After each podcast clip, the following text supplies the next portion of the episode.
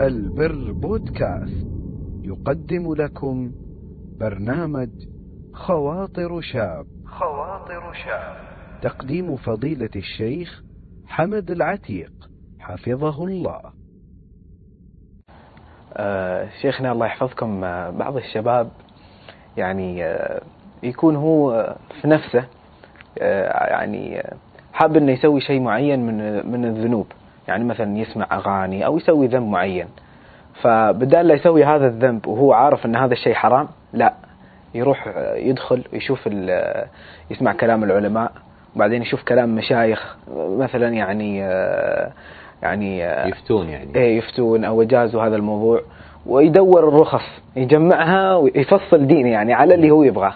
فشو توجيهكم الشيخ؟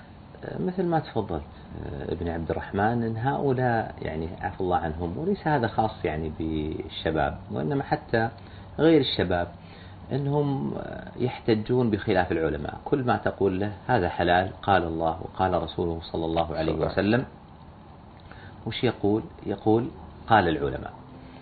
والمسلم لا بد أن يعلم أن الله سبحانه وتعالى سيسأله عن ما قال الله وما قال رسوله صلى الله عليه وسلم.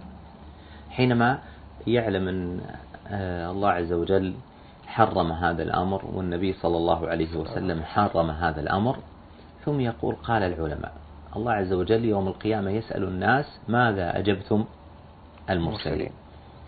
فوش حجته أمام الله عز وجل؟ يقول اختلف العلماء. الإنسان أحد قسمين يعني الإنسان المسلم أحد قسمين إما عالم هو الذي يستطيع أنه ينظر في الأدلة الشرعية وينظر في خلاف العلماء ثم يعرف الراجح يعني الأقرب للصواب في هذه المسألة. فهؤلاء هم العلماء. النوع الثاني العامة.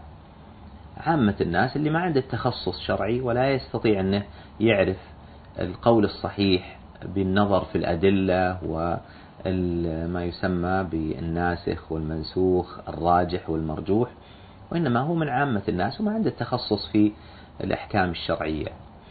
فهذا مأمور باتباع العلماء. قال الله عز وجل فاسألوا أهل الذكر إن كنتم لا تعلمون. لا تعلمون. ولم يقل الله عز وجل فاسألوا عما يعجبكم. يجب عليك أن تسأل العالم وإذا اختلف العلماء أن تتبع العالم والأعلم عندك. مو بتتبع ما يناسبك. لأننا حينما يقع خلاف بين العلماء وأنت تسأل أنت الآن حينما تتبع الرخصة هل قصدت البحث عن الحق؟ كما قال الله عز وجل فاسألوا أهل الذكر إن كنتم لا تعلمون.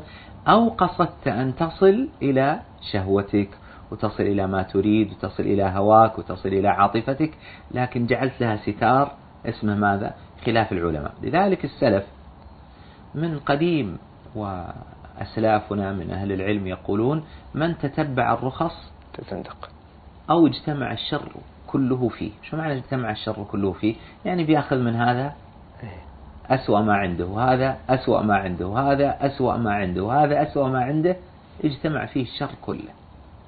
واليوم في من خلال ثورة المعلومات عن طريق التواصل الاجتماعي أو الأجهزة الذكية ممكن الإنسان يحصل أي خلاف. في كل ما جاء مسألة قال يلا. ثم ما حدود الخلاف؟ من هو المعتبر اليوم في الخلاف؟ يعني ليس كل خلاف أيضا مذكور يعتبر خلافا معتبرا عند العلماء عند أهل السنة. في خلاف للمبتدعة للضلال للخوارج. للجهمية الذين خالفوا أهل الإسلام وخالفوا أهل السنة. فليس كل خلاف اليوم مذكور وموجود في النت ومواقع البحث أنه يعتبر خلاف معتبر. ثم مثل ما تفضلت ابن الكريم أن الذي يجمع رخصة من هنا ورخصة من هنا ورخصة من هنا يفصل له دين جديد. ليس هو دين دين الله ولا دين رسوله صلى الله عليه وسلم. فحينما يقول الشاب والله أنا أحتج بالخلاف الله عز وجل لم يأمرنا حينما حين وقوع الاختلاف أن نلجأ إلى ما نريد وإنما أنت مأمور بأنك تسأل من ترى أنه عالما ثم تتبعه تتبعه بحثا عن الحق لا بحثا عن عن ما تريد ولا بد يعرف كل واحد منا. قول الله عز وجل يعلم خائنة الأعين وما تخفي الصدور. وما تخفي الصدور. والله لو أخفينا مرادنا عن كل البشر لا يمكن أن يخفى ذلك عن رب البشر سبحانه وتعالى. ولا بد يكون كل واحد منا شعاره وقاعدته في الحياة أسلمت لرب العالمين. أسلمت لرب العالمين يعني استسلمت وانقدت لأمر الله عز وجل. وما كان لمؤمن ولا مؤمنة إذا قضى الله ورسوله أمرا أن يكون لهم الخيرة من أمره. المسلم المؤمن مسلم ومستسلم ومنقاد لمراد الله ومراد رسوله صلى الله عليه وسلم. نسأل الله عز وجل أن يثبتنا على دينه حتى نلقاه. اللهم آمين.